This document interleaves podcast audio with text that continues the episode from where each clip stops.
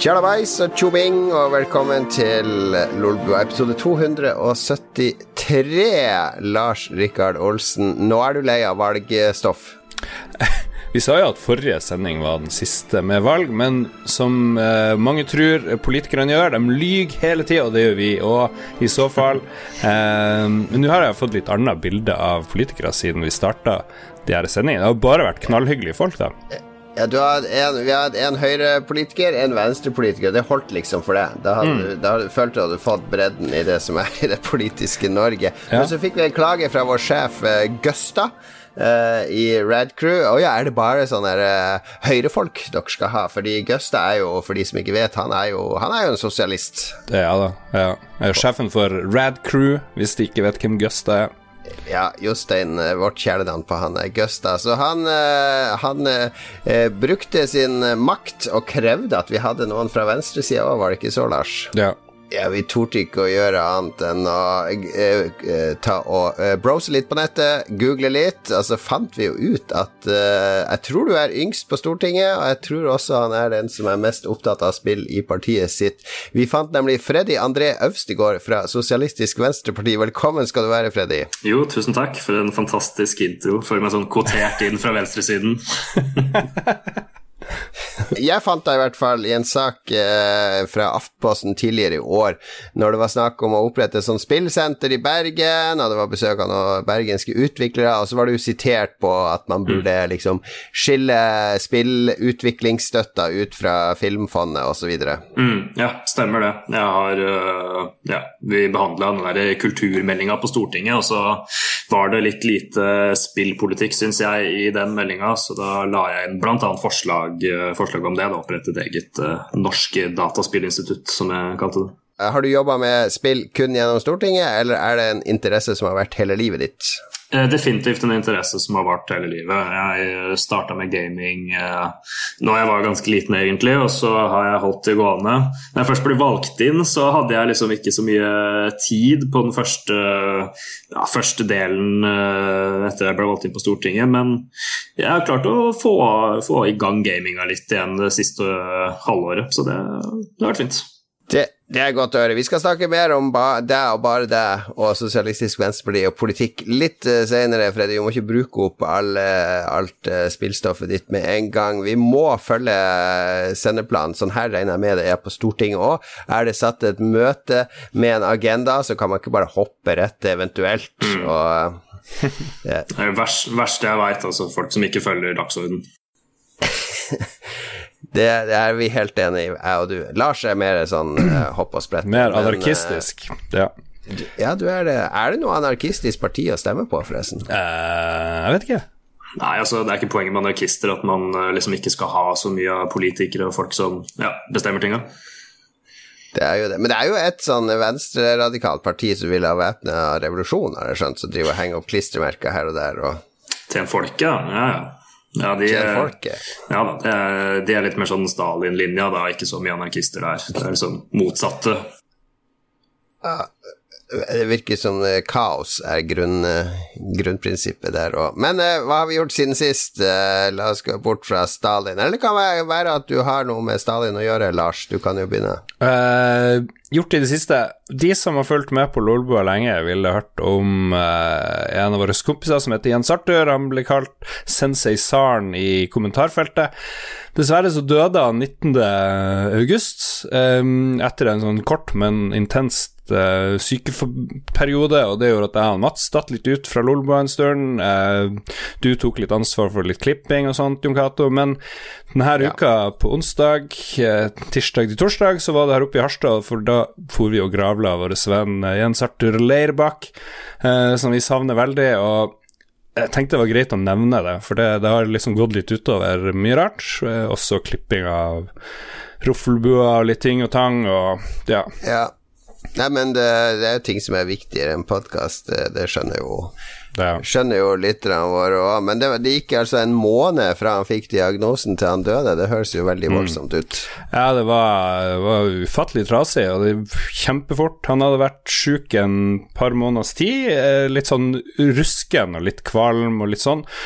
Og så ble han bare verre og verre, og til slutt så for han på sykehuset, og så gikk det vel mindre enn en uke fra han gikk til legevakta til han visste, og vi visste, at han hadde dødelig kreft med spredning.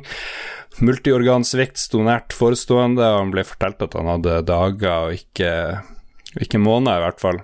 Han, han levde vel nesten en måned. Og, og nei, det var helt forferdelig. Så vi planlegger vel en, en egen tribute-aktig greie litt senere. Ja, for han var jo på en måte en av disse usynlige redaksjonsmedlemmene. Altså, han var mm. aldri med i noen episode direkte, men han var ofte med i, uh, i de innsendte meldingene. Og så var han jo vår faktasjekker. Mm. Han var jo et vandrende leksikon, basically. Uh, veldig opptatt av rollespill, sci-fi våpen. Å spille Division med Charter er veldig gøy, for da kan han komme med detaljer om alle våpen du brukte. ja, han har vært med i Filmbil noen gang, eh, den der videogreia vi legger ut på Facebook av og til, og YouTube. Når vi, når vi har vært på kino og kommet med sånn eh, useriøse anmeldelser, og så var han en del av chatten, og veldig ofte når vi spilte inn live, sånn som nå, så savner jeg veldig det, da. og det var en av de jeg hang aller mest med. Eh, Mats òg her oppe, så det har vært en uh, utrolig kjip, kjip periode. Så, men uh, jeg ville bare nevne det, da. Og det har vært mye folk oppe, og det har vært mye samhold og fine ting oppi alt det triste, men uh, det anbefaler ingen å få kreft med spredning. Det er ufattelig trasige greier for alle involverte. Ja. Det, det, tror jeg alle kan være enige om. Og bare for å understreke, det her er ikke sånn reprise av uh, hunden din. Det Nei, det her, det her, skjedde. Det her har skjedd. Nei, det, jeg, jeg, tror både hunden og katta mi har dødd sånn uten at de egentlig aldri har eksistert, når jeg trengte en unnskyldning. Nei, så, men uh, som sagt, vi skal prøve å få en, lage en mer grundig greie eh, om han Jens Arthur Leirbakk på et annet senere tidspunkt. Fordi både, både jeg og deg har jo mista faren vår, og det, det, er jo en event som gjør Altså, du Det skaper masse tanker og refleksjoner som mm. uh, kanskje man kan få ned i podkastform. Vi får se. Ja. Ja. Fre Freddy, det var ikke meninga å dra deg rett i, i sorgen her, beklager det. Nei, jeg må jo bare kondolere, da. Det høres jo forferdelig ut. Så ja. Ja, det, det, har vært en uh, tung, tung måned. En opptur etter begravelsen var jo at vi, uh, eller du som ikke er allergisk, Lars, fikk jo for første gang i livet ditt spise kvæfjordkake i Kvæfjord. Uh, ja, faktisk. Det var første gangen. Fersk kvæfjordkake i Kvæfjord, det var Ja, ja. Er, Kaller du det kvæfjordkake, Freddy, eller kaller du det for verdens beste? Jeg kaller det egentlig for verdens beste, men så ble jeg venn med noen, uh, ja, noen ifra Kvæfjord, og da, de slo hardt ned på det. ja, det, det, gjør vi nordlendinger, fordi er, vi er veldig lite Jeg så NHO nå kåra jo Kvæfjord til den verste kommunen for næringsliv i Norge. Men den beste kommunen for kake? De, de burde jo ta eierskap på den Kvæfjordkaka. Altså, de burde Tenk om alle Kvæfjordkakebildene skulle krediteres Kvæfjord kommune, eller honoreres Kvæfjord kommune. Da hadde det blitt vei i vellinga. Ja, men det er bra du har folk som har eh, korrigert deg, fordi det er verdens beste. Det er noe sånn oppspinn som noen søringer har kommet med fordi de ikke vil vedkjenne seg den nordnorske eh, mat- og kultureksporten. Mm, ja, tydeligvis. Det har vært streng sosial kontroll på det greiene der, så nå, nå tør jeg ikke å kalle det noe annet. Veldig bra å høre. Jeg har hatt eh, Jeg har vært oppe hos deg, Lars, noen dager. Det var trist og hyggelig på en gang, som det mm. ofte blir når man møtes i, i sånne sammenhenger. Eh, og så har jeg hatt eh, vært veldig mye jobb på meg nå i to uker. Det er fortsatt en del jobb, så jeg har hatt litt sånn kollapshelg, eh, der jeg ba basically bare har spilt eh, World of Warcraft Classic. Så jeg har bare stått opp, og så har jeg gått i pysjen og spilt, og hele dagen, egentlig. Så en film i går kveld, og så har jeg spilt masse i dag òg. Eh, som en slags eskapisme. Jeg tror jeg, jeg, spilte jo aldri World of Warcraft da det kom, fordi jeg hadde så mye annet å gjøre, og jeg hadde ikke PC, og jeg måtte anmelde to spill i uka. Hmm. Hadde ikke tid. Så, men jeg vet veldig mange som spilte det veldig mye, så jeg har alltid lyst til å kjenne på den følelsen av å vie så mye tid til akkurat det spillet, så det var en veldig gyllen anledning nå. Så jeg har uh, kost meg i helga, spilt med Red Crew og Lolbua-folk i den Red Crew slash Lolbua-gilden som vi har oppretta på Firemo.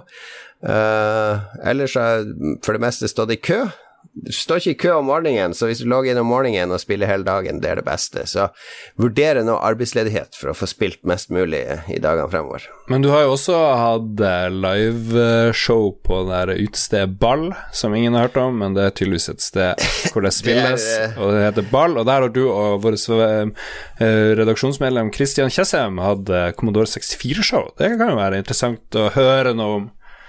Christian lassa, drassa med seg 30 kilo med utstyr, jeg drassa med meg en laptop, og så, og så møttes vi der, og Christian drev og kobla og fiksa og ordna. Han er litt sånn som meg når jeg skal koble opp DJ-utstyr, jeg vil ikke ha hjelp fordi jeg vil ha kontroll på hvor absolutt alt er til enhver tid. Ja.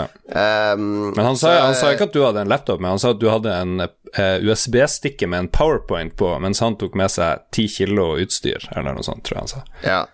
Eh, jeg hadde en hel laptop, faktisk. Men, okay. men eh, vi, vi samla Vi håpa jo at det skulle komme folk der, fordi konseptet er jo at vi skal spille Commodore 64-spill fra nøyaktig 35 år siden. Altså den samme måneden for 35 år siden kom de spillene. Så altså august 1984. Og vi eh, alt, fikk alt til å funke på storskjerm, og, og et kvarter før vi skulle begynne, så var det liksom tre stykk der. Eh, to av de, en av de kjente vi fra før. Eh, så vi var litt sånn Oi, det her kommer til å bli en total fiasko. Men så de siste fem minuttene så bare strømmer det inn med eh, menn, eh, det er ikke til å skjule under en stol, mellom eh, 30 og eh, 50 år. Jeg tror det var én på 27 og én på 30, og så var vel alle rundt 40. Og, og tilbakemeldingen vi fikk etterpå Vi spilte liksom fem forskjellige spill fra den måneden, og så viste vi en demo, og så snakka vi litt om de som hadde laga spillene, og litt historikk og teknisk. Og vi fikk supergode tilbakemeldinger. Det her var noe eh, Det skulle komme på neste år. Eh, Det, det ble satt pris på. Det var en sånn skikkelig artig mimrestund, tror jeg, for de fleste der. Kult. Å, jeg gleder meg til å Det blir jo tatt opp, så det kommer vel på YouTube-kanalen vår. Jeg har fått tilgang på noen filer, men jeg har ikke rukket å sett på det. Ja, jeg har, eh, vi har tatt opp både lyd og bilde og eh, opptak av alt som skjedde på Commodore 64-en, så det blir nok eh, i løpet av uka en eller annen eh, ting på YouTube. Blir det early access for patrions? Jeg lurer på, skal vi liksom involvere det? Eh, det, du er Patrion-administratoren, så det er opp til ok. det. Ja, jeg da jeg blir det vurderer det. på din. Da blir det det. Da blir det det. Det er jo midt i Sosialistisk Venstreparti sin politikk, det å gi early access til de som betaler. Ikke sant? Fortrinn, fortrinn i podkastkøa, hvis du betaler litt. Betal seg foran, ja. All right, Freddy. Vi, vi lurer på hva du har gjort siden sist. Og siden du aldri har vært med i Lolba før, så er det litt opp til deg hva slags tidsperspektiv du har. Det kan være siden før du kom inn på tinget, eller det kan være hva du har gjort i sommer, eller bare den siste uka. Det var nå jeg tenkte jeg skulle dra liksom mitt livs historie og forklare hvorfor jeg er her i dag. Nei, da, jeg skal jeg skal ikke, jeg skal Gjør hva du dra det. Vil. Men først, jeg, jeg lurer litt på hva er, hva er det slags caps du har på deg? Er det, hva er det vi ser i bokhylla? Har du noen sånne kule nerdeting bak deg, eller hva er det? Er det Nei. kun partilitteratur? Jeg, nå prøver jeg å se på min egen, eh, min egen lille videobilde her, om, det, om dere klarer å lese uh, titlene. Jeg tror kanskje det er. Nei, jeg tror Hvis dere ser veldig godt og har bra oppløsning, så kanskje dere ser én tittel, muligens to, og de er litt sånn avslørende. Den ene, der står det Kristin Halvorsen selvbiografi. Jeg syns jeg så Fifty Shades of Grey, da, men da tok jeg feil. Ah, nei, er dessverre, den er ikke der. Den er ikke der. Ja, men ved siden av er uh, en bok om Hugo Chávez, så ja. Men, eh, men nei da. Det, capsen, da, jeg kan starte med den. Det er uh, en caps jeg kjøpte på, på tur i Japan. Og det er Oh. Capsen jeg pleier å bruke på søndager når jeg har fri. Mm. Ja, nice. Slipper jeg å fikse meg på håret og greier, spesielt siden jeg skal være med i videoverdenen. Ja. Ja. Så, Samme her. Kan, kan, den, eh, kan den også brukes på andre, sånn som skjærtorsdag, f.eks., eller er det kun søndager? Ja, Har du en annen kap caps til andre fridager? 1. mai? Da er det vel en rød caps? Nei, jeg kan ikke bruke caps på 1. mai. Det, det er liksom li, lite respektfullt. Da, da er det den ene dagen jeg alltid har på dress. Ok. Kan du, eh, apropos 1. mai, kan du eh, internasjonalen på russisk? For jeg var i et eh, kollektiv 1. mai. Der var det farsken med De fant frem vademelsklær. Det var skikkelig hardcore å kunne eh, internasjonal på russisk. Så det var kanskje den mest røde forsamlinga jeg har vært i i mitt liv. Ja. Nei, du, jeg kan ikke på, på russisk, altså. Det kan jeg ikke. Jeg kan på nynorsk, da. Det er Det er nesten det samme. mm. Ja da. Hvordan, men nå er det jo eh, kommune- og fylkestingsvalg. Du er på Stortinget. Er det litt sånn, er det litt sånn chill? Er det veldig greit å være stortingsrepresentant egentlig når det er kommunevalg? For det, det, er, det er ikke sånn være eller ikke være for deg, på et vis. Nei, jeg står jo ikke på valg, så, så, jeg kan egentlig gjøre hva jeg vil. Men, uh, men nei, det er ikke skill. Så, så, det jeg faktisk har gjort siden, siden sist, uh, det, det, er jo reist mye rundt i, spesielt i Østfold, hvor jeg er fra, og hjulpet uh, de, ja, de, lokale kandidatene med, med, sin valgkamp. Jeg er jo liksom litt avhengig av at de, de, har gjort det bra når jeg igjen skal stille til valg om, om to år. Så, mm. så sånn sett så, er det jo viktig at jeg bidrar. Så det har vært mye, mye reising, det har det. Men jeg hadde også et, et foreløpig valgkamp-høydepunkt nå på fredag. For da, da, var jeg med i en, en annen podkast. Kan kanskje kalle det en, en slags konkurrerende podkast. Oi, hva den heter What? Jeg var med i Pegasus-poden. Ah, ja. Det, ja, de er um, mye dårligere podkast enn oss. vi, får, vi, får, se. Ja. Nei, men der var jeg, der var jeg sammen med, med, Grunde fra Venstre, som jeg skjønte var her eh, forrige uke også. Så, ja. så vi var her får, du, her får, du, stå på talerstolen alene, Freddy. Vi er ikke sånn podkast som skal stue inn mest mulig på en gang. Ikke sant. Så nå, nå skal jeg endelig få liksom snakke uavbrutt i en times tid, så det Jeg har tatt alle de punktene jeg ikke rakk uh, hos mm. Pegasus. Åssen gikk det hos Pegasus? Hva var det, hva var det vanskeligste de spurte om? Eh, det var kjempegøy. Eh, endelig en anledning til å snakke om gaming og fantasy i valgkampen. Det skjer altfor sjelden, skal jeg si dere. Så mm. det var veldig koselig. Og jeg og Grunde ja, er jo to store nerder. Og vi hadde rett og slett, og det var det vanskeligste også, vi hadde en nerd-off, en uh, quiz. Oh. Ja, og, da, og, det var skikkelig høye stakes også, for vinneren av den quizen ble offisielt kåra som uh, Stortingets største nerd 2019. Å, så bra! Fortell meg at du vant, uh, Freddy. Og jeg vant. Jeg gjorde det. Så jeg har sertifikat på kontoret nå hvor det står også med De har til og med sånn der Vox-stempel. Jeg har lyst på sånn, jeg òg. De har det. Vox-stempel og hele pakka hvor det står, uh, hvor det står at jeg er offisielt kåra som Stortingets største nerd i, i, år. Så det, det var høydepunktet for denne valgkampen, så nå kan jeg egentlig bare slappe av. ja, så bra. Da har du vært i Pegasus-podkasten. Ja, vi har vel ikke hørt den, jo, Katte. Vi må sjekke den ut. Nå får de mye gratisreklame her. Fantasy-podkast, eller hva, hva er temaet i Pegasus? Det er jo egentlig nerdekultur ganske bredt. Så fantasy, gaming, eh, sci-fi Det meste. Mm. Mm. Jeg lurer på når det skal bli Fordi nå er jo nerdekultur det er veldig sånn behagelig betegnelse, og det er liksom ikke så mye krangel om hva, hva som skal, skal, høre til der. Det er ikke sånn at uh, man har begynt å krangle om altså at f.eks. det har vært sånn anti-anime-bevegelse. Det finnes ikke. Jeg lurer på når det kommer inn ting i den nerdekulturen som enkelte nerder vil ta avstand fra, at den blir fragmentert.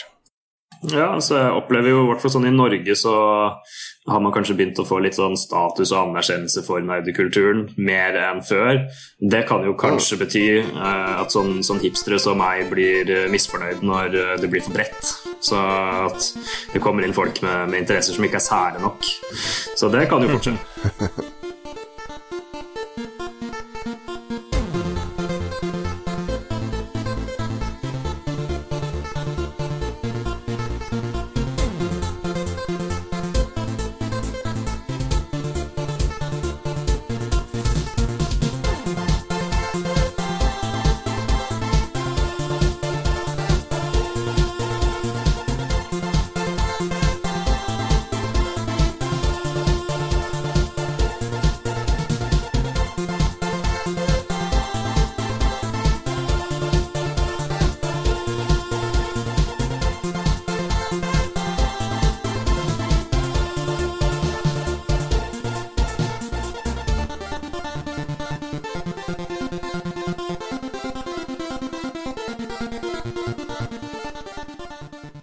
Da er vi tilbake. Vi er her med Du er den yngste Er du den yngste som har vært på Stortinget noen gang?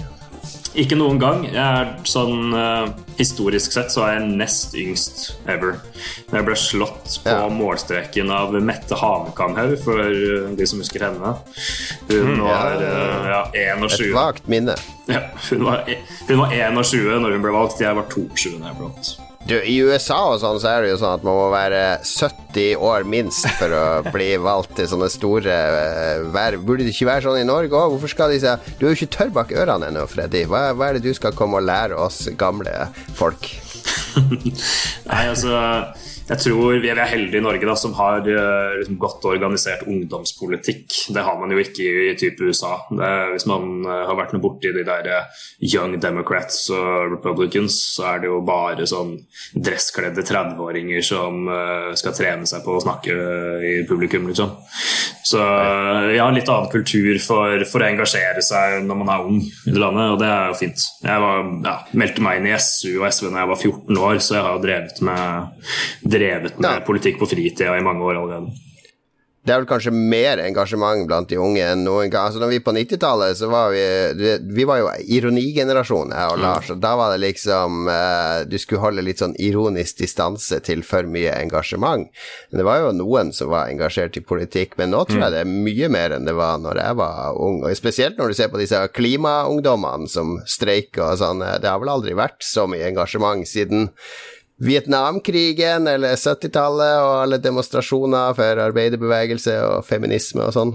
Mm. Ja, ja, det var liksom slackersa på, på 90-tallet. Men jeg føler egentlig at, at vi som var liksom ungdommer på starten av 2000-tallet, egentlig eh, var, var, der vi òg. For uh, mm. det var ikke noe særlig ja, sammenligna med typ ja, Du dro helt tilbake til Vietnamkrigen, men man kan dra det til sånn starten av 2000-tallet med eh, liksom Irak-krigen og sånn.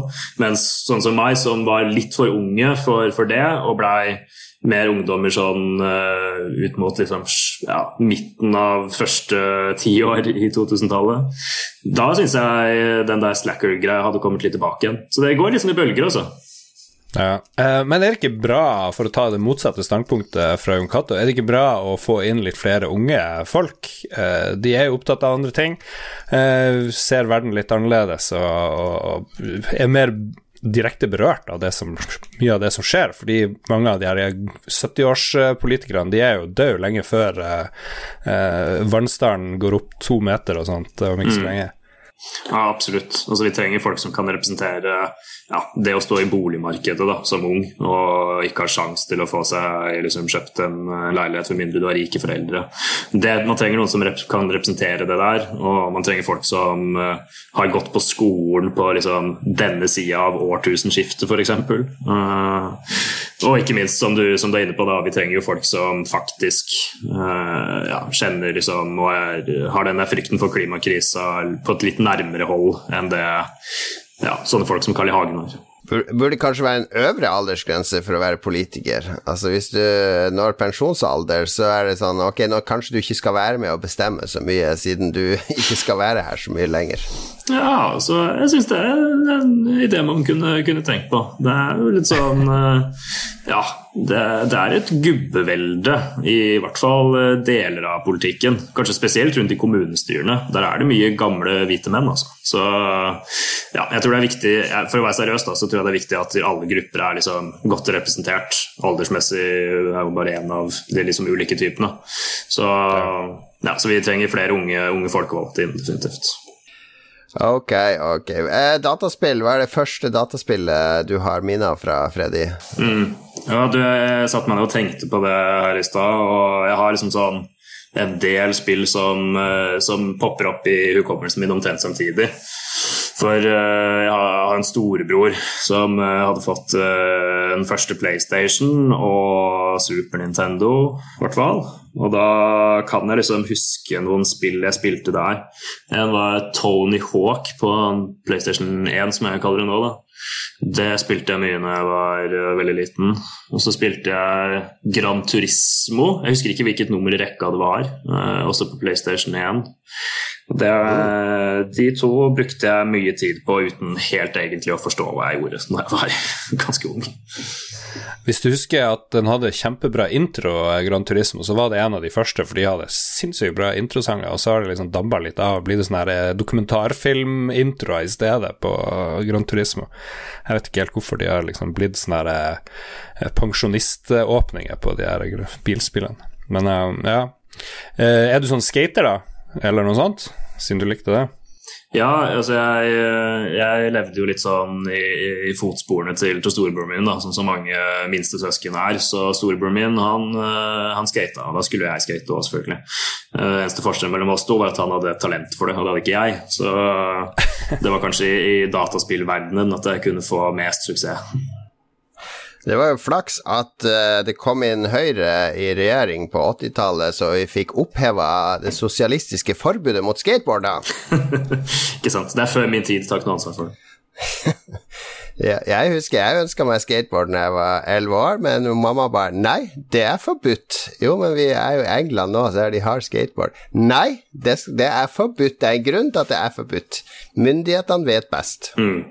Her har du liksom forskjell på, på liksom det sosialdemokratiske Norge og, og oss raddisene i SV. Som liksom ble, vi ble jo ekskludert ut av Arbeiderpartiet fordi vi var for fritenkende og, ja, og gærne. Så jeg tror nok det var en, var nok en del raddiser fra SV med å, å bli jagd rundt av politiet på, på den tida òg. Men med skateboardbakgrunn så er du vel helt for uh, alle elsparkesyklene i Oslo nå? Mm. Ja, det der er et kontroversielt tema, så det krangler jeg mye med, med vennene mine om. Jeg, jeg, da pleier jeg å si det at uh, personlig er jeg for, politisk er jeg mer skeptisk. Men jeg, jeg bruker de mye sjæl, men uh, det hadde kanskje vært en idé å få, få det regulert litt, i hvert fall, så man slipper eh, alle de ulykkene og kaoset vi har nå. Ok, godt svar. Godt svar. Uh, litt sånn grundig svart òg, med litt sånn personlig mener jeg det, men politisk mener jeg det. Det er litt sånn uh, Man må holde tunga rett i munnen. Ja, sånn er det. Sånn er det. Nei, av og til så er det ting som er gøy, som, uh, ja, som man må liksom kunne tillate. Det, det, er viktig. Og det er gøy med elsparkesykkel. Det er jo det.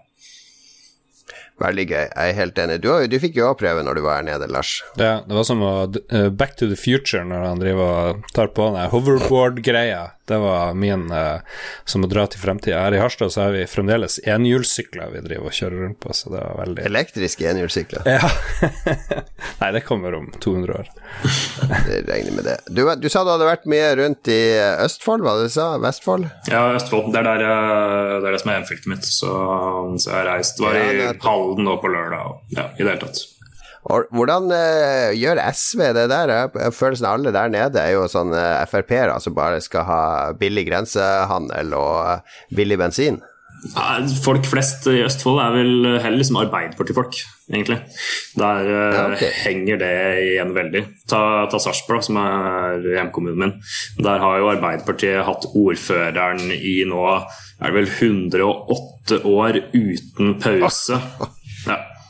Med ett et unntak, da. Og det var andre verdenskrig. Ble han ordfører med en gang han ble, han ble ordfører da han ble født, og nå er han 108 år gammel? Er det så? Ja, det har hatt en, en gjeng ja, vet du hva, ikke, De ligner veldig på hverandre, alle de ordførerne fra, fra Arbeiderpartiet. Så det, av og til så kan man lure på om det er bare samme person.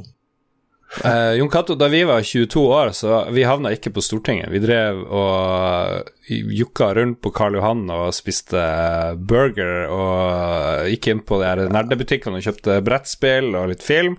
Så jeg lurer på hvordan blir man eh, Stortingets yngste representant, og liksom Og hvordan føles det å være yngst? Får man liksom Blir man litt sånn eh, sett ned på, eller blir man hva, Hvordan syns de andre det er på Stortinget? Når eller liksom Anne Lindmo-spørsmålet, hva har du ofra for å få til det her, Freddy? Oi, wow. det er dypt, altså. Ja, nei, jeg som jeg, som jeg, nevnte i stad, så, så ble jeg med i liksom, ungdomspolitikken da jeg var uh, veldig liten. Jeg var, uh, ja, jeg var nerd på flere ting. En av de var at jeg meldte meg inn i, i NESU litt sånn, etter å ha lest meg opp på internett på, på jeg, hvem som uh, ligna mest på mine meninger. Da. Og så, så, har jeg drevet med politikk på fritida i en god del uh, år. Og lært mye. Fått masse venner i liksom, uh, politiske miljøet og sånt noe. Så blei jeg spurt, da, uh, i 2016 var det, om jeg ville stille som førstekandidat for Østfold SV til, til stortingsvalget. På det tidspunktet så var jeg, var jeg nestleder i SU og ja, hadde egentlig liksom bare det på, på fritid. Så sa jeg ja, tenkte ikke at jeg skulle bli valgt inn, for da, da gjorde vi det ikke så bra, egentlig.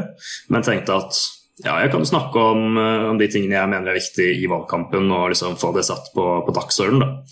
Mm. Uh, så, så, det var litt sånn motivasjonen min. Og så brått så ble jeg jo valgt. da.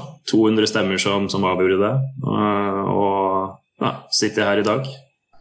Ehm, da du ble valgt inn på tinget, så sier du du snakka om de tingene som betyr noe for deg. Hva er det som betyr noe for deg i dag, sånn politisk? Er det, hva er det som er saken dine i dag? Mm.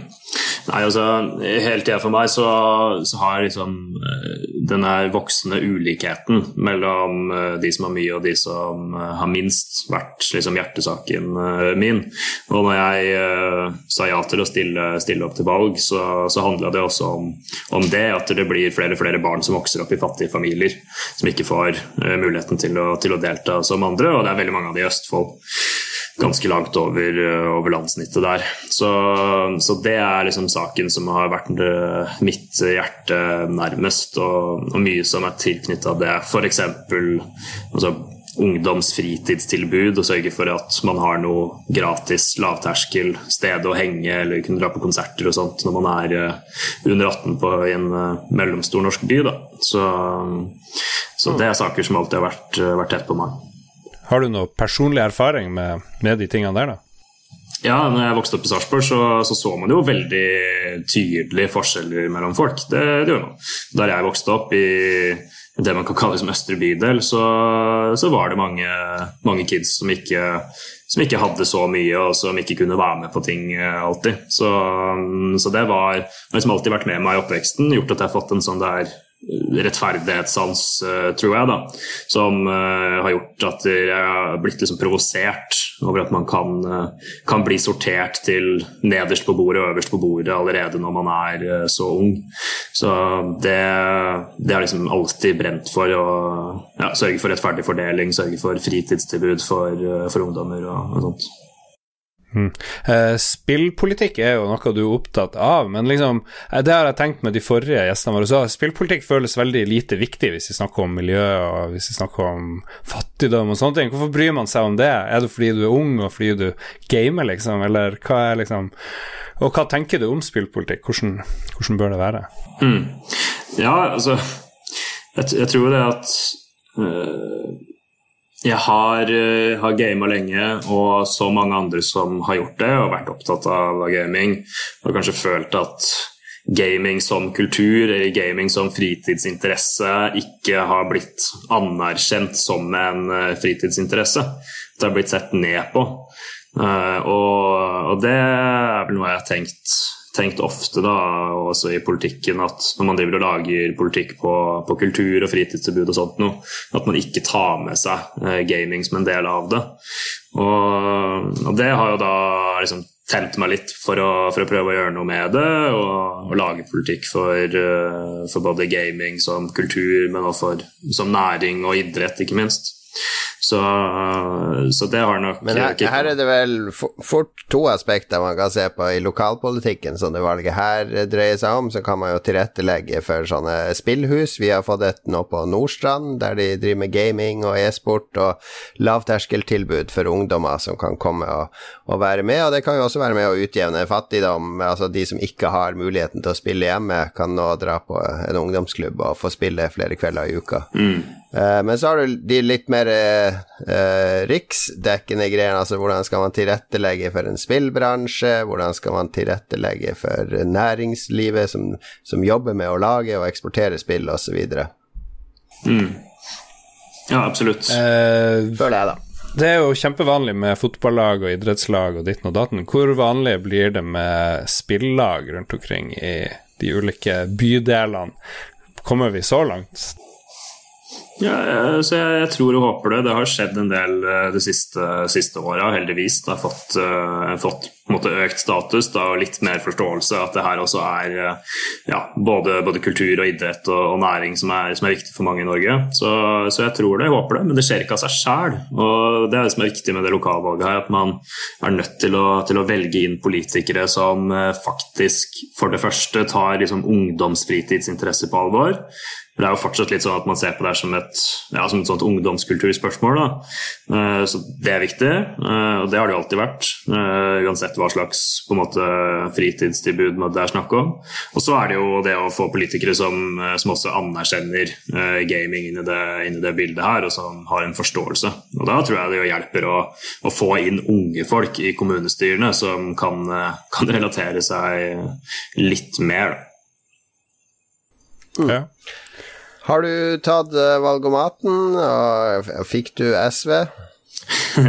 ja, jeg har tatt mange valgomater i flere, flere år, og det er ja, Men svarer du ekte, da? Svarer du at det er faktisk det her jeg mener, eller sånn ah, Jeg må nok trykke der, sånn at jeg kommer innafor partiprogrammet? Pleier å, jeg pleier å svare ekte først, og så tar jeg tweak litt etterpå og ser hva som skjer. Uh, ok, det, ja, Blir det stort avvik, da?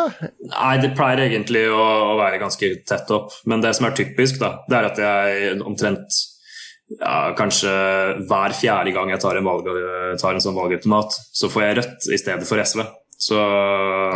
Mm, det er jeg ærlig på, for det, ja, de jo ligger tett innpå, innpå oss politisk. Så det, det går fint. Ja, ja, det hadde vært verre om du hver fjerde gang fikk Frp i stedet for SV. Det hadde vært litt verre. Det merker jeg med de her unge politikerne vi har hatt innom fra nå Høyre og SV og Venstre, det er at de er veldig ærlige på liksom at ja, ja, valgomaten det kan jo sprike litt, og det kan liksom være litt sånn. og det, det syns jeg er gøy. Jeg vet ikke om det er mer sånn unge politikere, eller om det er sånn alle politikere er på litt mer uformelle settings, at de er litt mer Mm. Det er nok veldig ulikt på, på folk òg. Uh, man, man, kaller jo sånne som er uh, ja, helt 100 lojale til, uh, til, budskapet hele tida til partiet sitt hele tida for partikaniner. Og jeg har liksom prøvd å ikke være en partikanin hele veien. At jeg først og fremst så er jeg liksom opptatt av, av sosialisme og sånt. Da. Og partier er bare verktøy for å oppnå det man, det man kjemper for. Men jeg må jo si at når man har sittet på Stortinget i to år, så blir man jo kanskje mer og mer eh, ja, jeg vet ikke, liksom uh, påvirka og blir mer og mer sånn streamlina i forhold til resten av partiet. Så det er jo en fare for at jeg kommer til å bli som de andre etter hvert. Men hvordan er det personlig med de andre partiene? For jeg har inntrykk av at han diskuterer og krangler, og så er man egentlig Det går helt greit å møtes i korridorene og spise lunsj sammen og sånne ting. Er det sånn at du pleier sosial omgang med dine bitreste motstandere? Kan du, kan du spille Fifa med Per-Willy, f.eks.? og ja, kan, jeg veit ikke med Per-Willy, akkurat. Det Ja. Per-Willy er jo fra Harstad. Han er jo Harstads tredje største kjendis etter Sofie Elise og Slangen fra Harstad. Så vi, vi prater veldig ofte om Per-Willy i Lolbua. Ikke sant. Ja. Nei, jeg har ganske godt forhold til de, til de aller fleste, altså. Og alle sammen er høflige med hverandre og hyggelige og sånt noe. Vi, vi jobber jo tett på. Det gjør vi. Men, eh, men, så er det noen som jeg har bedre forhold til eh, enn andre. Og da tror jeg egentlig det handler eh, det handler ikke så mye om liksom, partipolitikk, men litt mer hvordan man er som folk. da. Ta, ta grunn, mm. Grunde som eksempel, som jeg snakka om nå. Jeg og han er veldig like som personer. Vi er interessert i de samme tinga. Så, så, vi har liksom et, et godt forhold, og det tror jeg handler vel så mye om at vi begge er liksom nerder og gamere og sånt noe, som ja, uh, at vi ikke er så langt fra hverandre politisk. da. Mm. Har du, eh, vi snakka jo om det her eh, med, med, vår venn fra Høyre, Johannes Lars, om hvis jeg og du skulle på én fest hos et parti, der det var liksom ikke sånn her offisiell partifest, men hjemmefest hos, hos et parti, da trodde vi jo Vi spår at Fremskrittspartifesten er den mest spektakulære, med dansing i bar overkropp og, og, og vilt, og så spådde vi at SV-festen ble litt sånn kjedelig egentlig, med kassegitar og sånn, og rødvin og telys. Stemmer? Er det vi som er forutinntatt, eller, eller stemmer vår oppfatning? Ah, nei, da må jeg, må invitere dere på, på, fest i det gamle kollektivet mitt, som er sånn berykta sosialistreir i Oslo. Der uh, går det definitivt ikke kassegitar og, og stearinslys, altså. Det, det, skal jeg love dere. Så jeg tror vi kan feste ganske bra på, på venstresida. Men, men, jeg vil, jeg vil framheve ett parti, da, og det er Senterpartiet. De har de beste oh. festene. Ja, for det sa Johannes òg, at Senterpartiet Vi må ikke underkjenne de festene. Mm. Ja da, Vi har et eget fenomen som, som heter Senterparti-badstue. Som er at man eh, skrur på dusjen på det varmeste man har og setter på tørketrommelen. Og da lager man badstue på, på badet, eh, hjemmelagd versjon. Så det, uh, så gøy. Så de kan feste. Så gøy. Blir, det blir Senterpartifest, Lars. Jeg tror det blir det med Sandra Borch og hele gjengen. Det gleder vi oss stort til. Til slutt, hva er ditt uh, absolutte all time favorittspill? Må jeg velge ett? Er det sånn, sånn det skal være, liksom? Nei, altså Skal være to, herregud. To. Ok, nå ser jeg liksom casual ned på, på lista jeg skrev. og skal prøve å velge to av de, få se hvordan, eh, hvordan, det går. Jeg tror kanskje Jeg tar, så, tar og velger det jeg har liksom et mest intenst forhold til, og det er uh, The Elder Scrolls Oblivion. Ja. Mm, okay. det, Ikke Skyrim? Mm, ja, Skyrim er kult, det òg, men jeg har mest uh, liksom, Jeg har et størst forhold til Oblivion. For det, det var mm det første fantasy-spillet jeg bare liksom forsvant inn i, virkelig. Jeg tror jeg har mm. klokka inn en del tusen timer i det spillet. Altså, på, på wow. PlayStation først, og så på PC. Underveis i den, det her maratonet så fikk jo Steam sånn, uh, sånn der tellefunksjon på hvor mange timer. Og det er et skummelt høyt tall. Lenge siden du har spilt det, Freddy?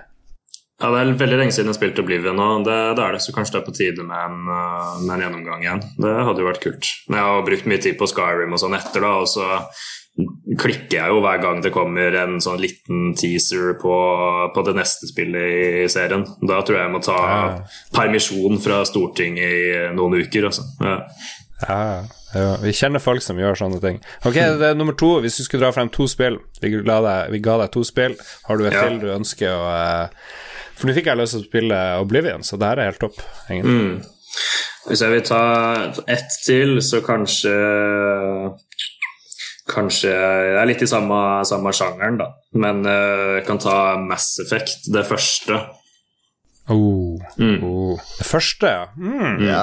Det første er det magiske. Det er det med syntmusikken og rollespillelementene. Og så ble det skytespill ja. med multiplayer-del, som jeg vet du likte, Lars. Ja, jeg likte det første, for det var mer sånn der du kunne skyte du kunne sikte helt perfekt og skyte, men så var det sånn RPG-elementer. Du kunne plutselig bomme, liksom. Det var ikke helt sikkert hva som skjedde når du gjorde ting. Så det mm. likte jeg veldig godt. Mm. Det var fantastisk. Jeg, jeg, jeg, husker, jeg, husker, så godt jeg var på LAN. Uh, da jeg, har alltid vært sånn uh, Når de andre på LAN spiller litt mer sånn ja, kompetitive spill sammen, så sitter jeg og spiller et, en RPG for meg sjæl, eller et strategispill. Og da, da, spilte jeg gjennom Mass Effect hele greia, og jeg husker så godt hele finalen av Mass Effect 1. og jeg er alltid sånn som gjør de onde valgene, så jeg tok jo og krasja hele jævla The Council Council rett i dass og innsatte menneskeheten eh, som, eh, som, rulers i, i, galaksen. Og jeg fikk så gåsehud når, når han Shepherd eh, Man tror han har dødd, og så bare kommer han opp fra, fra vraket av det der svære, svære romskipet. Og å, herregud. Nei, jeg får gåsehud bare snakke om det. Det er et fantastisk spill.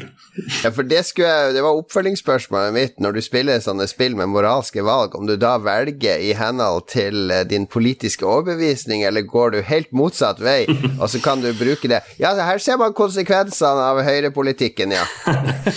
ja, jeg tror typisk meg i, i sånne spill er å velge liksom den renegade-veien. At jeg har gode mål Eh, men at målet alltid rettferdiggjør middelet, og at jeg gjør veldig mye stygt på veien. Og, og, alltid liksom mest mulig makt. Det også er målet. Så i, i Dragon Age, da, som jeg har spilt veldig mye, så er det mye blodmagi og greier, og innsette meg sjæl som konge og, og sånt. Og det syns jeg er ekstremt morsomt. Jeg føler som psykoanalytiker at dette kommer litt av at ting tar så mye tid på Stortinget. Man må ha med seg alle komiteer og vedtak og sånn, så når du endelig bare kan ploge gjennom og få gjort ting uh, uten å ta hensyn til noe, så velger du det i fantasien. Mm, endelig får jeg utløp for alt det jeg egentlig vil gjøre. Det er, uh, det er deilig. Velkommen til psykologibua.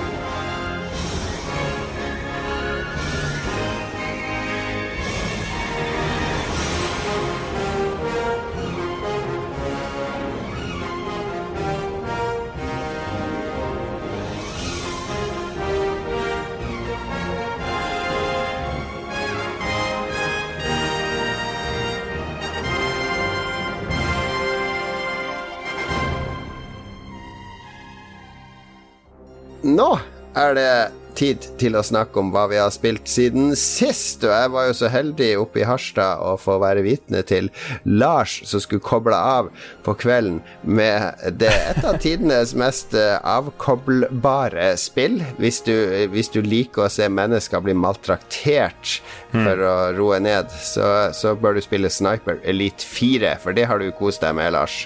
Ja, vi, eh, vi, spilte jo et par spill i lag, og du drev og vi spilte i lag Sniper Elite 4. Um, jeg tilbød deg å prøve det, men det, var, det, er mye kontroller. Det er litt mye kontroller, så du gidda ikke det. Du så heller meg spille.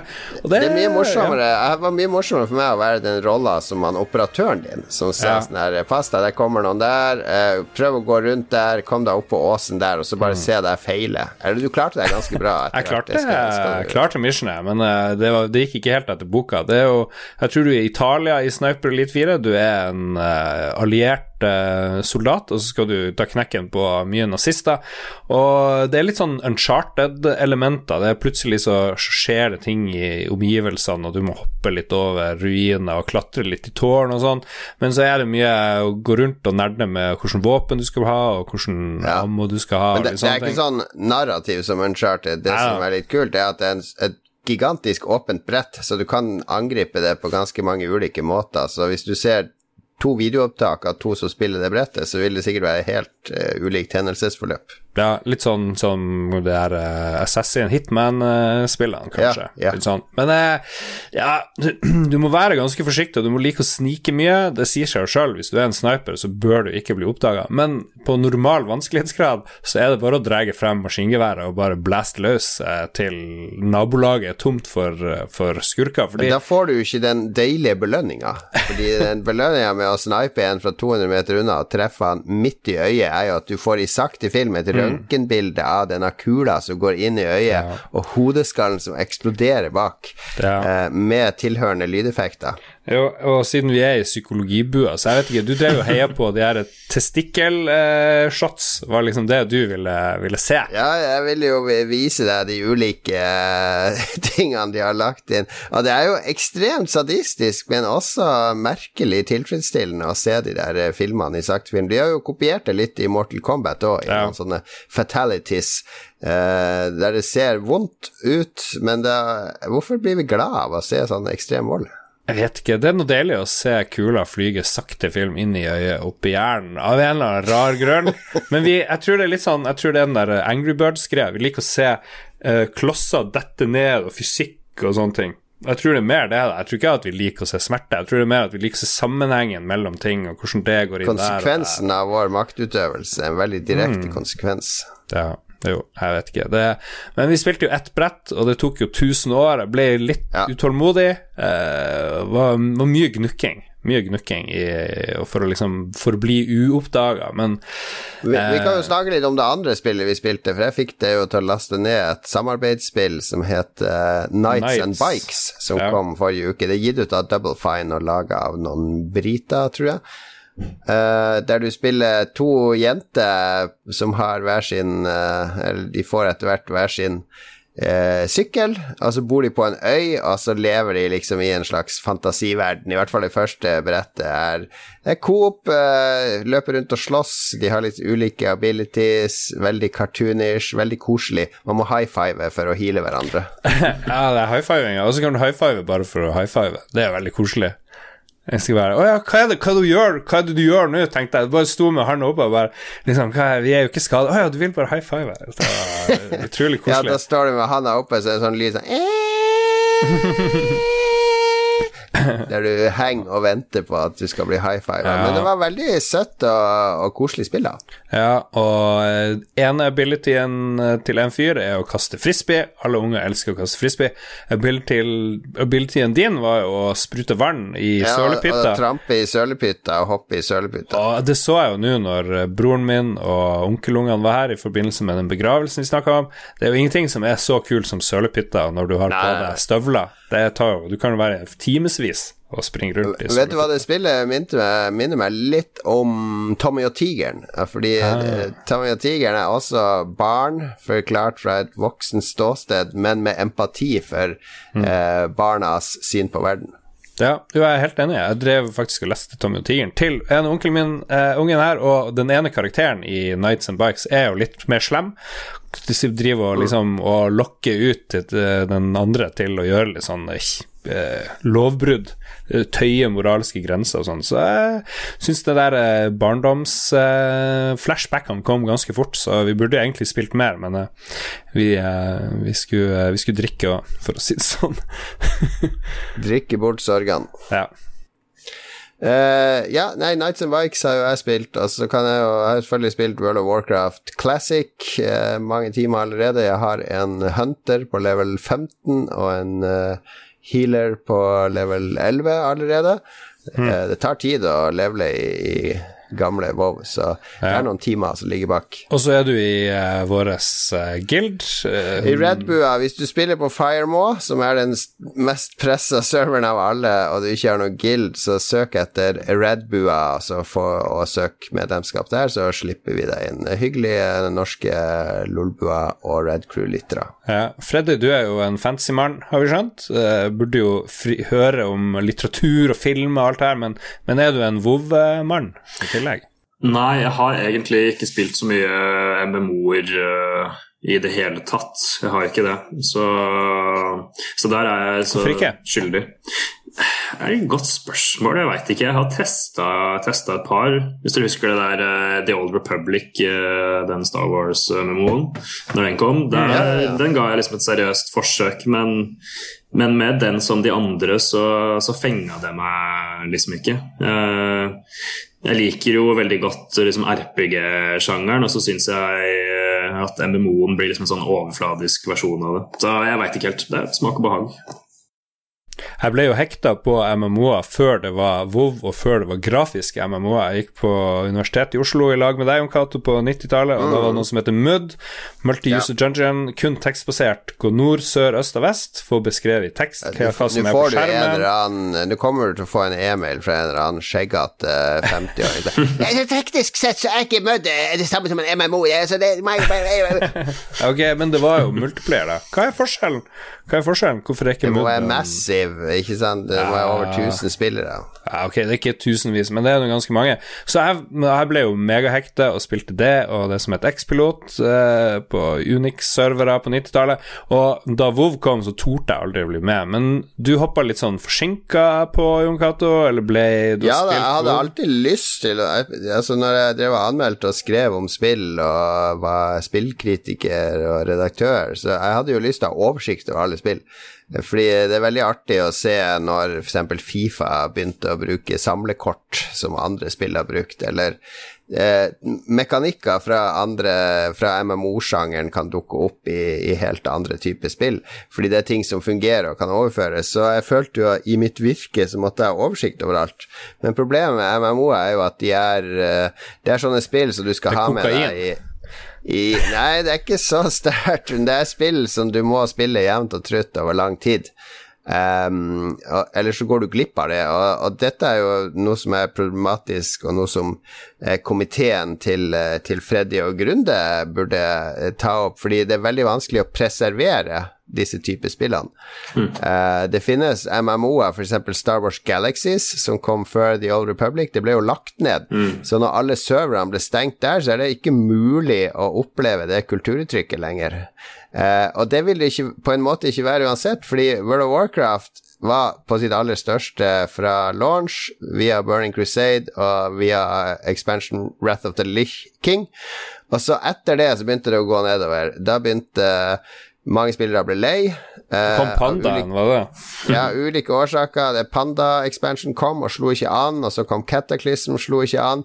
Det har liksom aldri vært en expansion som har fått uh, uh, spillerne så engasjert som de var i de tre første pakkene. Ja.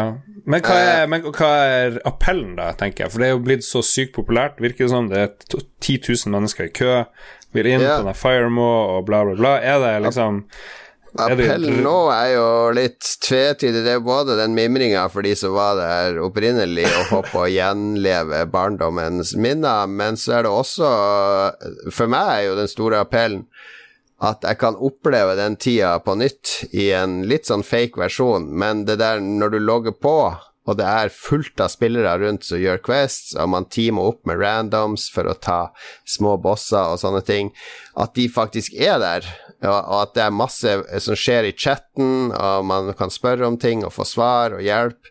Eh, at det er liv, det gjør at det blir morsomt å spille. Fordi jeg levela jo opp etter jeg slutta å anmelde spill og begynte å jobbe i Krillbite, så levela jeg en karakter fra level 1 til 120 i WoW over et halvt år. Det var ikke sånn at jeg spilte ti timer hver dag, men det var en time nå, to timer nå, eh, tre timer en helg. Mm. Eh, bare for å ha spilt gjennom WoW, for jeg følte jeg måtte gjøre det. Og det var jo som å spille et spøkelsesspill, for det var ikke en kjeft i noen av startersonene eller de opp før jeg kom til level 100, så var det nesten ikke et menneske å treffe, ikke sant. Eh, ganske kjedelig. Så det er en helt annen, helt annen eh, stemning i spillet nå. Vi får se hvor lenge det varer. Ja. Det er jeg spent. Jeg har jo stått sterkt imot, og jeg kommer ikke til å joine uh, Voven i det hele tatt, men jeg har jo litt lyst, da, men jeg bare ser ikke hvordan altså, jeg skal ha tid til det. Folk som deg og Rune Fjell Olsen som klarer å, å gjøre noe relativt middelmådig som Destiny om til en daglig heroinskudd, dere må holde dere langt unna og ordentlig MMO. Ja. Det er jo, nei, det, det er jo faren. Jeg, hvis jeg først blir hekta, så er det game over, man. Game over. Det er det. Freddy, da, hva har du spilt siden sist?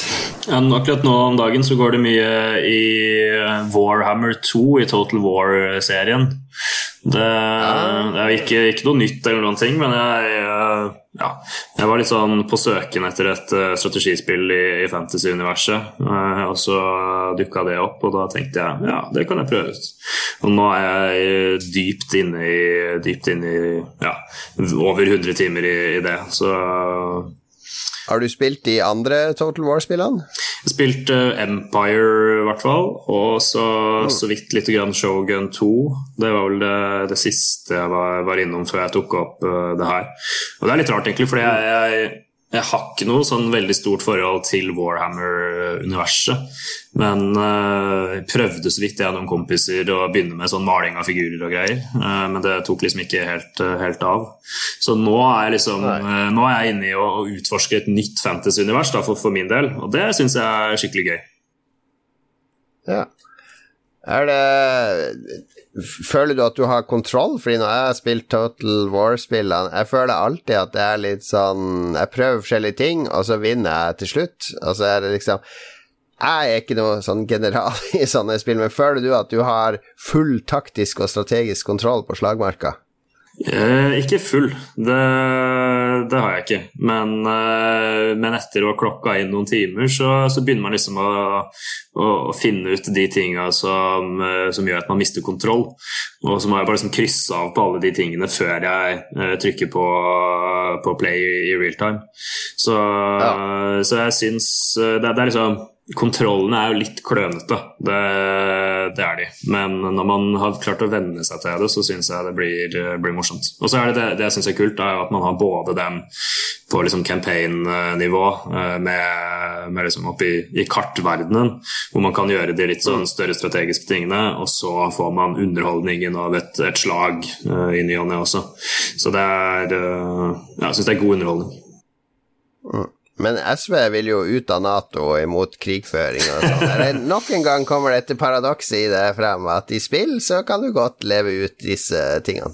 Ja, ja, vi er veldig for forsvarskrig, da. ikke sant? For forsvarskrig, det høres veldig alvorlig ut. Men uh, vi, vi, er veldig opptatt av at man skal kunne At man trenger at vi må bygge opp et, uh, et norsk forsvar som er uh, selvstendig og ikke avhengig av Donald Trump og de greiene der. Så, så, det er det jeg driver med. Eh, angrep er det beste forsvaret, Freddy, har jeg hørt. Ja, kanskje ikke fra, fra lille Norge, da. ja, vi sliter, sliter der. Men eh, hva kan vi lære av eh, spill om politikk? Har du, noe, har du lært noe av Total War, for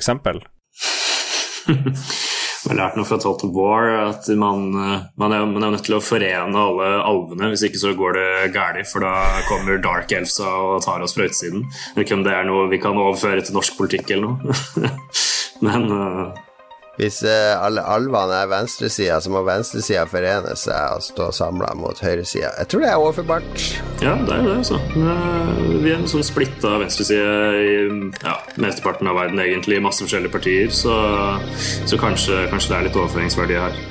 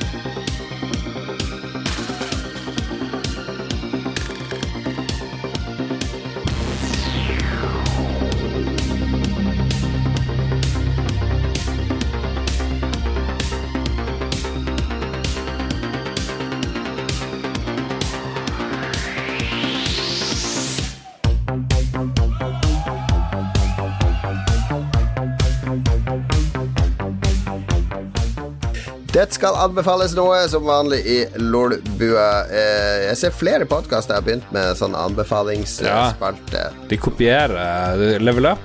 De kaller det jo anbefaling nå, så det er rett straight out. Ja, vi har ikke trademarka Vi har ikke trademarka det, Lars, det er greit. Men jeg tror mange har kopiert vår intensjon, fordi når vi innførte denne spalten for halvannet, to år siden Eh, så var jeg på et litt sånn mørkt sted, og jeg følte at det å lese Det er så mange folk som klager og sutrer og syter på Twitter og sosiale medier på alt som er feil og galt, enten det er bompenger eller en film som er dårlig, eller Star Wars som har blitt dårlig, eller ditten eller datten. Altså, jeg setter så mye mer pris på folk i sosiale medier som bare sier 'Dette var en god bok, denne anbefaler jeg deg å lese', eller 'Dette var en knall film, denne må du se'. Uh, da blir jeg glad. Eh, jeg får impulser fra folk som jeg, jeg stoler på. Så det var bakgrunnen for denne spalten, er jo at vi vil sånn ubetinga anbefale ting som vi eh, ble veldig fascinert og glad av. Enten det er tannlegen til Lars, eller eh, en bok, eller et teaterstykke, eller et kake, en kake. Det kan være hva som helst som vi sier her, gå og smak på dette, eller les dette, eller se dette, så blir livet ditt litt bedre. Jeg kan begynne. Jeg så en film i går etter jeg hadde spilt World of Warcraft i ti timer. Så fant jeg ut at kanskje jeg skal bruke et par timer sammen med kona. Ti timer? ja, det var ikke, ikke langt unna. Eh, så vi så eh, Så vi drev eh, det, også det, det, verste jeg vet, når vi setter oss ned og skal finne en film å se. Mm. For da, da må aldri gå inn på Netflix og begynne å browse der. Det, det er liksom et sånn sort hull av inspirasjon. For meg, da. Men vi gikk inn uh, Jeg aktivt laget sånn ønskeliste på min Apple TV på iTunes. Og da gikk jeg inn der, og så fant vi en film som heter Shoplifters, som er helt ny. Den er fra i år. Japansk film. Vant Gullpalmen i Cannes i mai. Eh, om en eh, fattig japansk familie som lever av butikktyveri og svindel. Veldig utypisk sånn japansk eh, film, uh, fordi det handler ofte om eller det er en side av Japan du ikke så ofte ser. Fattigdommen og, ja. og de som lever på. Japanerne er jo veldig flinke å følge regler, da. De er det, men det gjør ikke denne familien. Så det, det er derfor jeg syns den er litt utypisk. Og så er den utrolig varm og nært fortalt. Med disse, de, han bruker jo unger til å stjele i butikken mens han distraherer betjening. Og og, og, de er jo ikke onde, de er jo ikke slemme, denne familien. De, de vil godt, for det er bare at de har havna på utsida av samfunnet, på en måte. Så det er en utrolig flott fortelling om, eh, om forskjeller i samfunnet, og hvordan, hvordan, de som har kommet dårlig ut av det, kanskje vokste opp med mishandling eller, eller falt ut av skoleverket eller et eller annet, eh, klarer seg sjøl sånn, og tar vare på sine egne Uh, og det, det, var en sterk historie. Min, min uh, kona mi felte noen tårer mot slutten, og vi var begge enige om at det var det perfekte filmvalget på en lørdagskveld. Hun har jo jobba i, i Oslo kino før, så hun er også glad i sånn kvalitetsfilm. Det trenger ikke å være Steven Seagal hver helg, sånn som det er oppe i Harstad, Lars. Fuck you. Det er ikke bare Steven Segal. Men Shoplifters, altså, årets gullpalmevinner i Cannes, anbefales varmt. Koster 99 kroner på iTunes, eller 49 hvis du vil leie den. Det er sikkert på Get og andre sånne digitale leietjenester. Det er ikke min offisielle anbefaling, men jeg så uh, Totoro, min nabo Totoro. Uh, Hayao Miyazaki sin, sitt mesterverk. japansk eh, anime, og eh, Jesus Christ eh, Jeg kom på underveis da jeg så den nå, for jeg så den for sånn par-tre år siden, da drev jeg òg og begynte å gri sånn, Jeg klarte ikke å prate, for jeg bare begynte å gråte nesten hvis jeg skulle si noe. Jeg blir så sykt rørt av denne filmen. Jeg vet ikke hva det er. Det er de her to ungene, og det er syke mora, og Totoro, monsteret ute i skogen Jeg vet ikke. Det, jeg, klarer ikke å, jeg klarer ikke å se denne filmen. Jeg bare bryter helt sammen. Er det Gråter du Er det liksom en tegnefilm? Er det den filmen du gråter av? Er det, er det noen vanlige filmer du gråter av? Jeg, jeg, vil tro det jeg gråter mest av, det er den her og den her Grave of Fireflies, den her andre. Det er òg en tegnefilm. Det er òg en tegnefilm. Så jeg, jeg føler mer med tegnekarakterer enn har du ikke sett uh, The Champ med han, uh, han faren til Angelina Jolie, hva er det han heter? Han, uh, sånn boksefilm. Boksefilm. Ja, han er bokser og skal bokse sånn siste kamp for sønnen sin, og, og da grein jeg som en ung. Jeg var tolv år da jeg så den, og jeg gråt og gråt og gråt i stua. Men Har du sett den i moderne tid? Ja, jeg så den på nytt med mine unger. Da gråt alle ungene gråt, og jeg. Ja, ja. Vi, må, altså, vi må lage sånn liste over sånn topp gråtefilmer i Lolbua. Ja, det ja, det skal vi ha. Vi skal ha gråtemaraton. Freddy, har du en gråtefilm siden uh, vi alle har delt? Nei, du kan, jo, det. Var det det du skulle anbefale, Lars? Du, Nei, men jeg føler jeg anbefalte den. Ja, ja, du kan spare, spare den andre til neste gang. Spar den til neste se, se, Min nabo Totoro. Tonari no Totoro heter den på japansk. Helt sykt bra barnefilm. Verdens beste barnefilm. Da er det Freddy sin anbefaling. Mm. Altså, jeg gråter alltid i slutten av uh, siste Ringenes herre-filmen. Det, det, gjør jeg selv om jeg ser den typ uh, en gang hvert halvår. Så det er ikke min anbefaling, men det er gråtefilmen min. når, når, Frodo går om bord i den båten og snur seg og smiler til, til kompisene sine, da Every time, altså. Ja, det hjelper ikke om jeg har sett den 40 ganger og lest bøkene mange ganger. Det, sånn er det bare. Jeg gråter når han uh, i slutten av film én, når han Frodo er i den båten, og han Sam, eller hvem det er, kommer plaskende ut i elva og vil liksom mm. etter han. Mm, nesten drukner. Ja, nesten drukner. Åh, det er så vakkert. Mm. Beklager. Mange vakre scener der, det er det. Nei, men uh, det jeg skulle anbefale, er en, uh, en grafisk roman. Og litt sånn for å, for å på en måte løfte den sjangeren litt generelt, for det er vel mange kule langtegneserier serier der ute. Uh, og den jeg vil anbefale, heter 'Lønnsslaver' av uh, Daria Bogdanska. Jeg har den faktisk her, siden vi er på sånn videoformat. Så for de som ser, så holder jeg den opp. Da ble den selvfølgelig mm. baklengs, så sånn er det. Men det er en veldig kul, uh, kul grafisk, uh, grafisk, roman som handler, uh, handler, om det å være litt sånn på utsida av, av arbeidslivet. jobbe på, på, restaurant og ha litt sånn midlertidig tilknytning til, til det hele. Og, det å være ny i en, en ny by. bo i et slitent, et sletent kollektiv og ja, bylivet. Alt det der. Mm. Er det en norsk eh, grafisk roman? Den er opprinnelig svensk, skrevet eh, på, på, svensk, men den har en, uh, en norsk uh, oversettelse fra Manifest forlag, da, som, det er den jeg leser. Så den er, den er veldig god. Litt sånn dystert tegna, svart-hvitt og litt sånn, sånn mørkt. Det veldig, høres veldig sosialrealistisk ut, er det riktig antakelse? Ja, kanskje, kanskje litt en sånn moderne form for, for sosialrealisme, kan, kan, hende. Men det er også mye, det er liksom en del humor og mørk humor og sånt. Og, og mange så fine øyeblikk. da. Den er veldig sånn varm på, på, sitt beste. Og man kjenner seg veldig igjen. Det tror jeg de fleste folk i, i starten av 20-åra som har liksom flytta inn i en by og bor i kollektiv og ja, skal uh, finne, finne, sin egen vei. Vil på en måte kjenne seg litt igjen i, igjen i den boka. Så den er veldig god. Er det, er det dette som kalles for sånn coming of age-fortelling? Uh, ja, kanskje litt elementer av det. Men, uh, men jeg tenker hovedtemaet her handler jo litt mer om, om liksom arbeidslivet. Uh, og det å være ung i arbeidslivet. Og hele den der liksom uh, nye, nye, arbeidslivet som er prega mye av midlertidighet og ikke vite om du har jobb, og at det er litt useriøse forhold. Så, så, det spiller kanskje mer inn i den, den debatten der om den, det man kan kalle liksom den nye underklassen. Så, men så har den veldig mye sånn personlige og, og varme temaer i tillegg. Og der kommer kanskje den coming of age-biten litt inn. Ok, tre gode anbefalinger der. Totoro Min nabo Totoro, en magisk film fra Studio Ghibli. Hvis du ikke har sett den, så har du virkelig gått glipp av noe grunnleggende anime-historie. Shoplifters, eh, helt ny japansk film som vant Gullpalme. Varm og god eh, familiedrama. Uvanlig japansk film. Freddy anbefalte 'Lønnsslaver', en grafisk eh, roman eller lang tegneserie fra vårt naboland Sverige, tegna av Dario. Hva het, hva het han til etternavn? Daria Bogdanska. Abudanska. Lønnsslaver, Shoplifters og Totoro.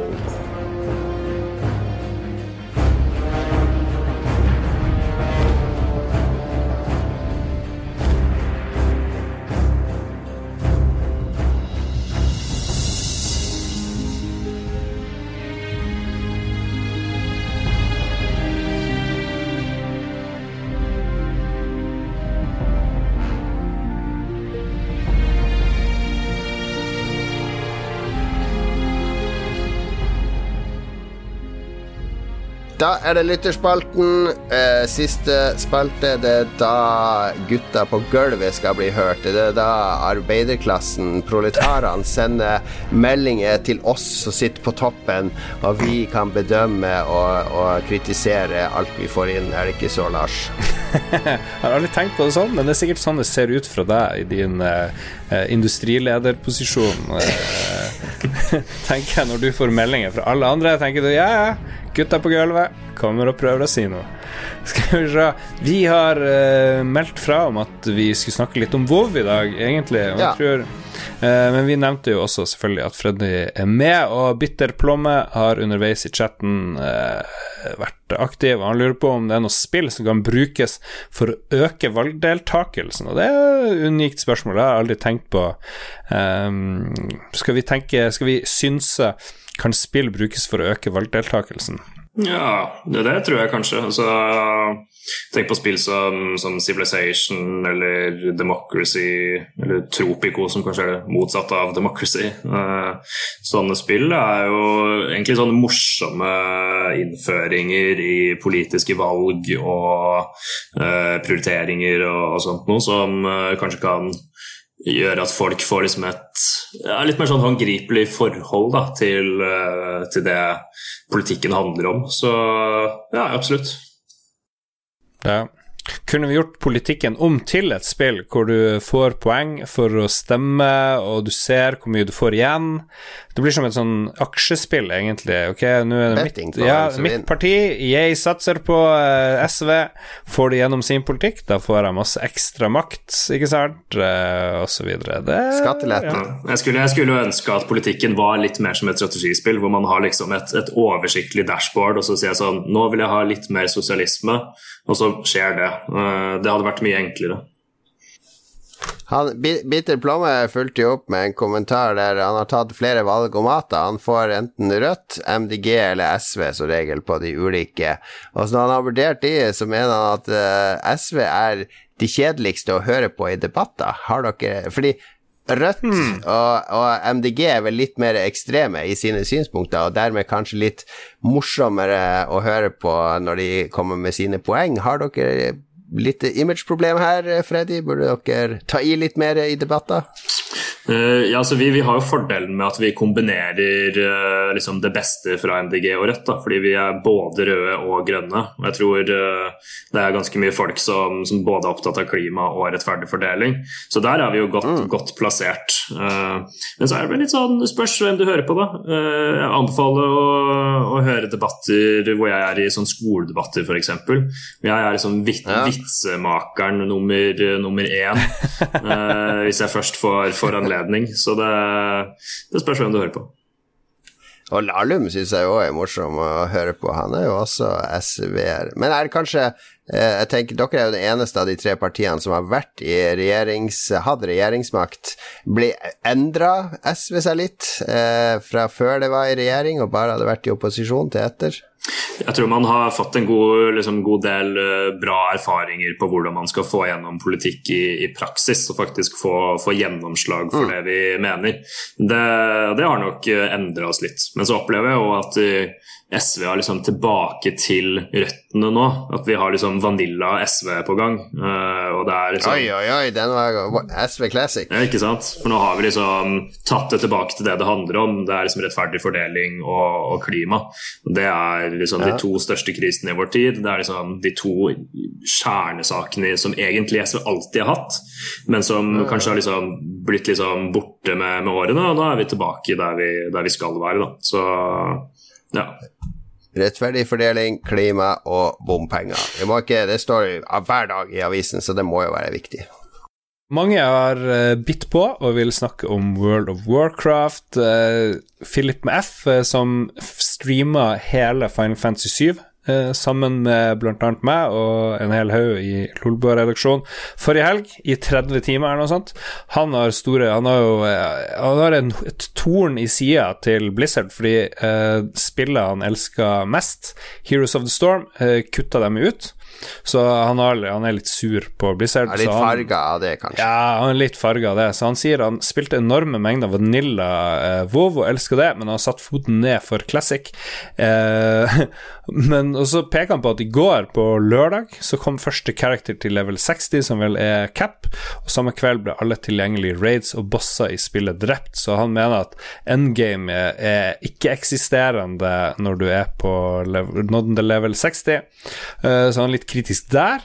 Ja, det er litt som å si at det er ikke noe vits i å jogge fordi eh, du slår ikke rekorden til Usain Bolt uansett. Ja, ja, faktisk.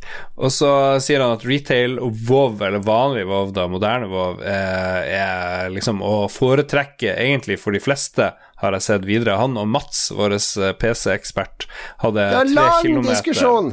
Lang diskusjon på vår discord. Megalang! Ja, finn discorden. Finn lenke annet på hjemmesida og i, på Twitchen vår. Så eh, ja, eh, hva han sier for noe? Ehm, for meg var det Poenget hans er jo at uh, det å mimre tilbake til den tida der du spilte WoW og alle de opplevelsene du hadde, det kommer Det blir ikke det samme. Eh, men det blir på en måte Og at spillet er så mye bedre i dag, og der kan jeg være litt uenig, fordi spillet er mye mer strømlinjeforma og enkelt i dag. Uh, det er veldig enkelt å spille fra level 1 til 120. Det er, nesten, det er litt for enkelt. Det er litt for lite å sette seg inn i. Det er bare du, du får for lite powers og for lite følelse av å faktisk prestere noe følte jeg da, når jeg spilte gjennom det. Mens nå så er det en mye mer struggle, og, og må, må, være mye mer forsiktig og følge litt med og lese litt i guider. og uh, jeg, jeg, jeg, koser meg i hvert fall nå. og Jeg har jo nesten ikke spilt Vanilla WoW, jeg bare toucha det så vidt når det var ute. Så jeg koser meg masse, og, og jeg er litt uenig med Philip så langt, men det kan hende jeg går dritlei om en uke. Ja.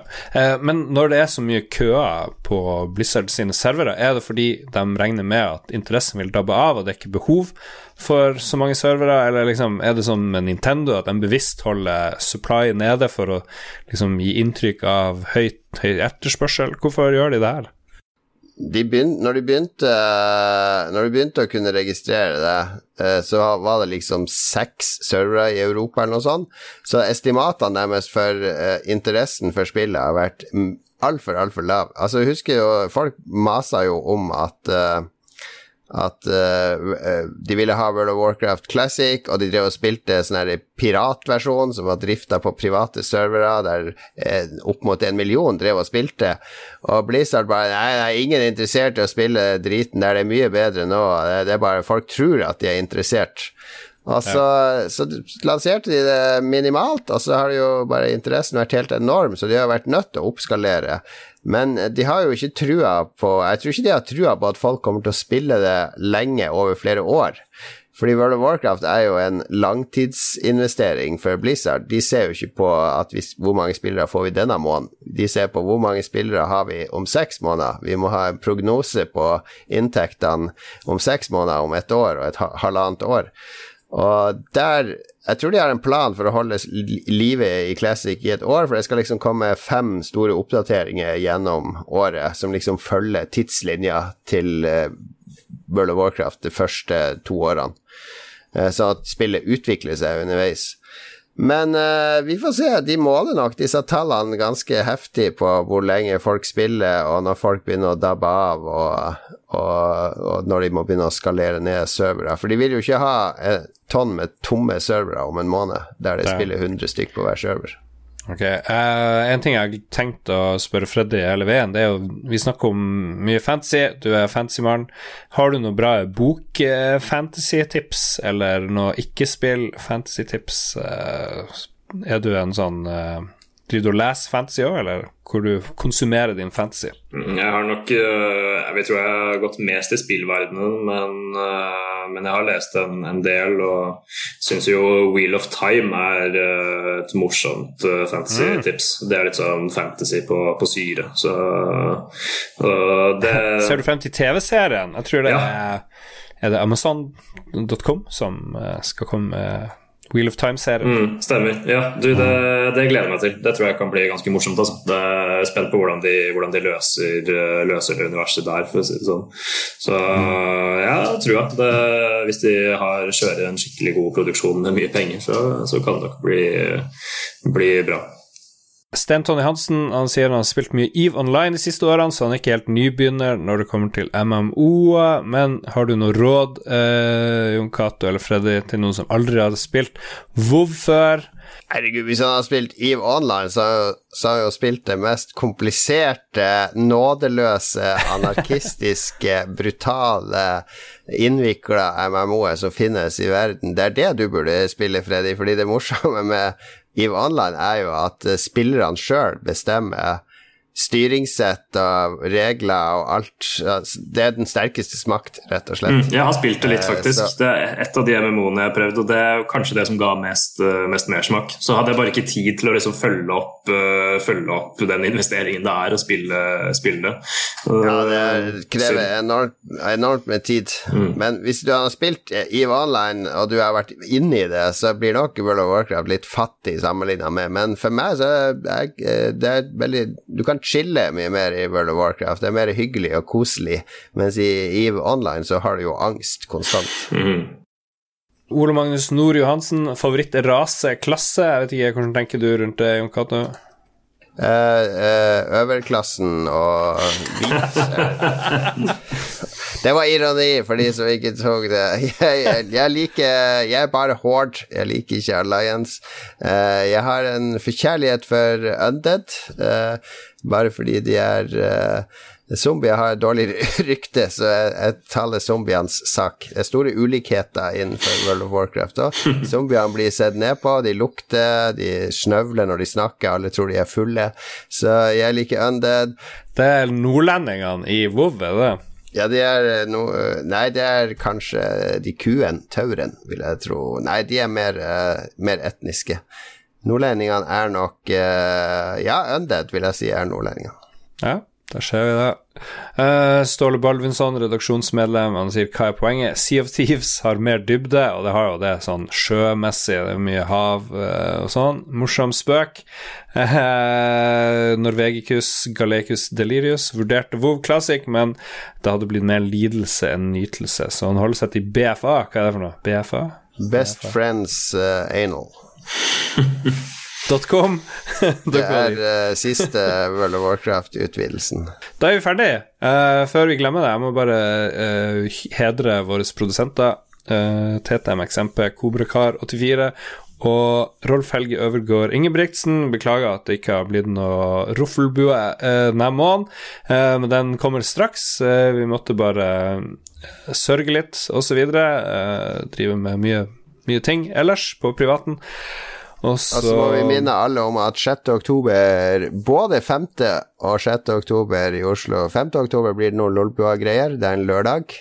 Uh, og 6. oktober er en søndag, da blir det Tilkast 2-0. Der skal vi være med sammen med Level Up, Nerdelandslaget, Spelledåsene, Red Crew, Spill Matic og oh, nå glemmer jeg noen, det er alltid pinlig. Eh, saft og svele, saft og svele. Ja, saft og svele, bra. Og så blir det noe live-rollespilling også. Det er jo for Det, det, det er ikke annonsert ennå, så takk oi. for at du spoila det. Da, du har sparken. Jeg har sparken.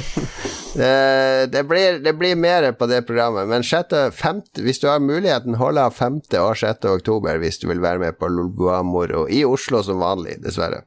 Jeg er sånn som han i uh, Marvel-universet, han som spiller Spiderman. Han kommer hele tida med sånne enorme spoilers, så de må bare gi han falske manus. Det liker jeg. han bare deler desinformasjon hele tida. Uh, er det ellers noe du vil uh, si, Freddy? Godt valg. Har du noen oppfordring til folket nå? Bare en uke igjen til valget. Mm. Nei, jeg vil si tusen takk for, for at jeg har vært med her. Kjempe, kjempegøy. Og så må jo folk tenke at uh, lokalpolitikere de kan også bidra til, til gaming som, som, kultur. Og ja, man trenger litt freshe, freshe politikere inn fra alle partier, egentlig. Så tenk på det når man går til, til urnene, at man stemmer også over, over, over gaming og spillpolitikk.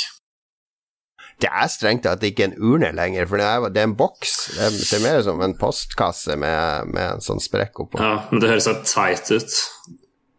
En urne skal være litt sånn rund og, ja. og stå på peishylla. Ja, med aska til hunden, liksom, og sånn. Ja, ja. Hvem gidder å stemme i, i hundeaske? men gå til valglokaler. Det er valglokaler overalt i Oslo, i hvert fall, så her er det veldig lett å, å stemme. Ikke, hvis du står i kø på World of Warcraft, så da har du tid til å gå ut og stemme. Ikke la World of Warcraft Classic hindre deg fra å stemme, eller andre spill. Bruk stemmeretten din, påvirke lokalmiljøet ditt. Det får være oppfordringa. Det var absolutt siste valgsending fra, pod, eh, fra Lolbua denne gangen. Eh, kommunevalgsending. Fordi nå kommer det fire episoder. De fire neste skal handle om eh, menighetsvalget. Og så blir det Sametinget, og så blir det Nei, men takk, Freddy André Øvstegård. Det var konge, kongegjest. Veldig bra. Supert at du tok deg tid på en uh, søndag. Vi håper du har et godt valg, og at du ikke sliter helt ut nå den neste uka før valget. Takk. Bare skiller'n og innspurten, Den er god. Ha det bra, alle sammen. Hei da. Ha det bra.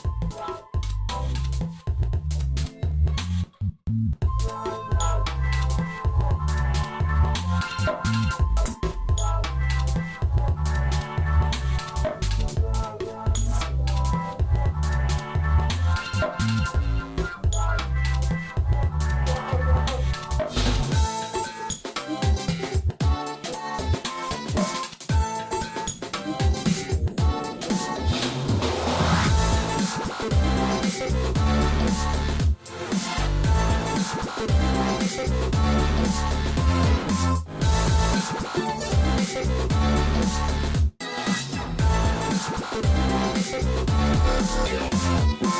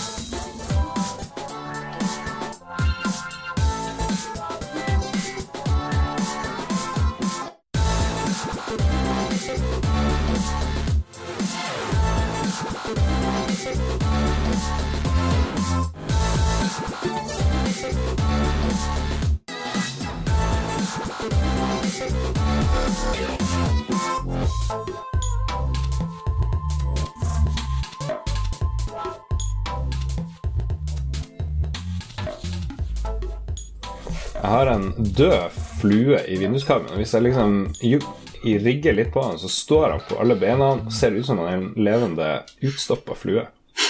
Du, du sparte det her til vi gikk live. Det var nyttig informasjon. jeg, jeg så det nå, for det lå en nål og en død flue. Så tenkte jeg, skal jeg spidde den her fl fl flua, liksom? Jeg kan starte min egen utstilling akkurat nå. Her og nå. Det er jo helt vilt. Ok, nå svikta den ene foten. Jeg beklager. Jeg, må, jeg fortsetter det her senere. Hørtes litt sånn her eh, Men den er død. Jeg driver ikke og spidder levende flue. Det gjør jeg. Det var godt å høre. Har du et enkeltpersonforetak eller en liten bedrift? Da er du sikkert lei av å høre meg snakke om hvor enkelt det er med kvitteringer og bilag i fiken, så vi eh, gir oss her, vi. Fordi vi liker enkelt. Fiken superenkelt regnskap.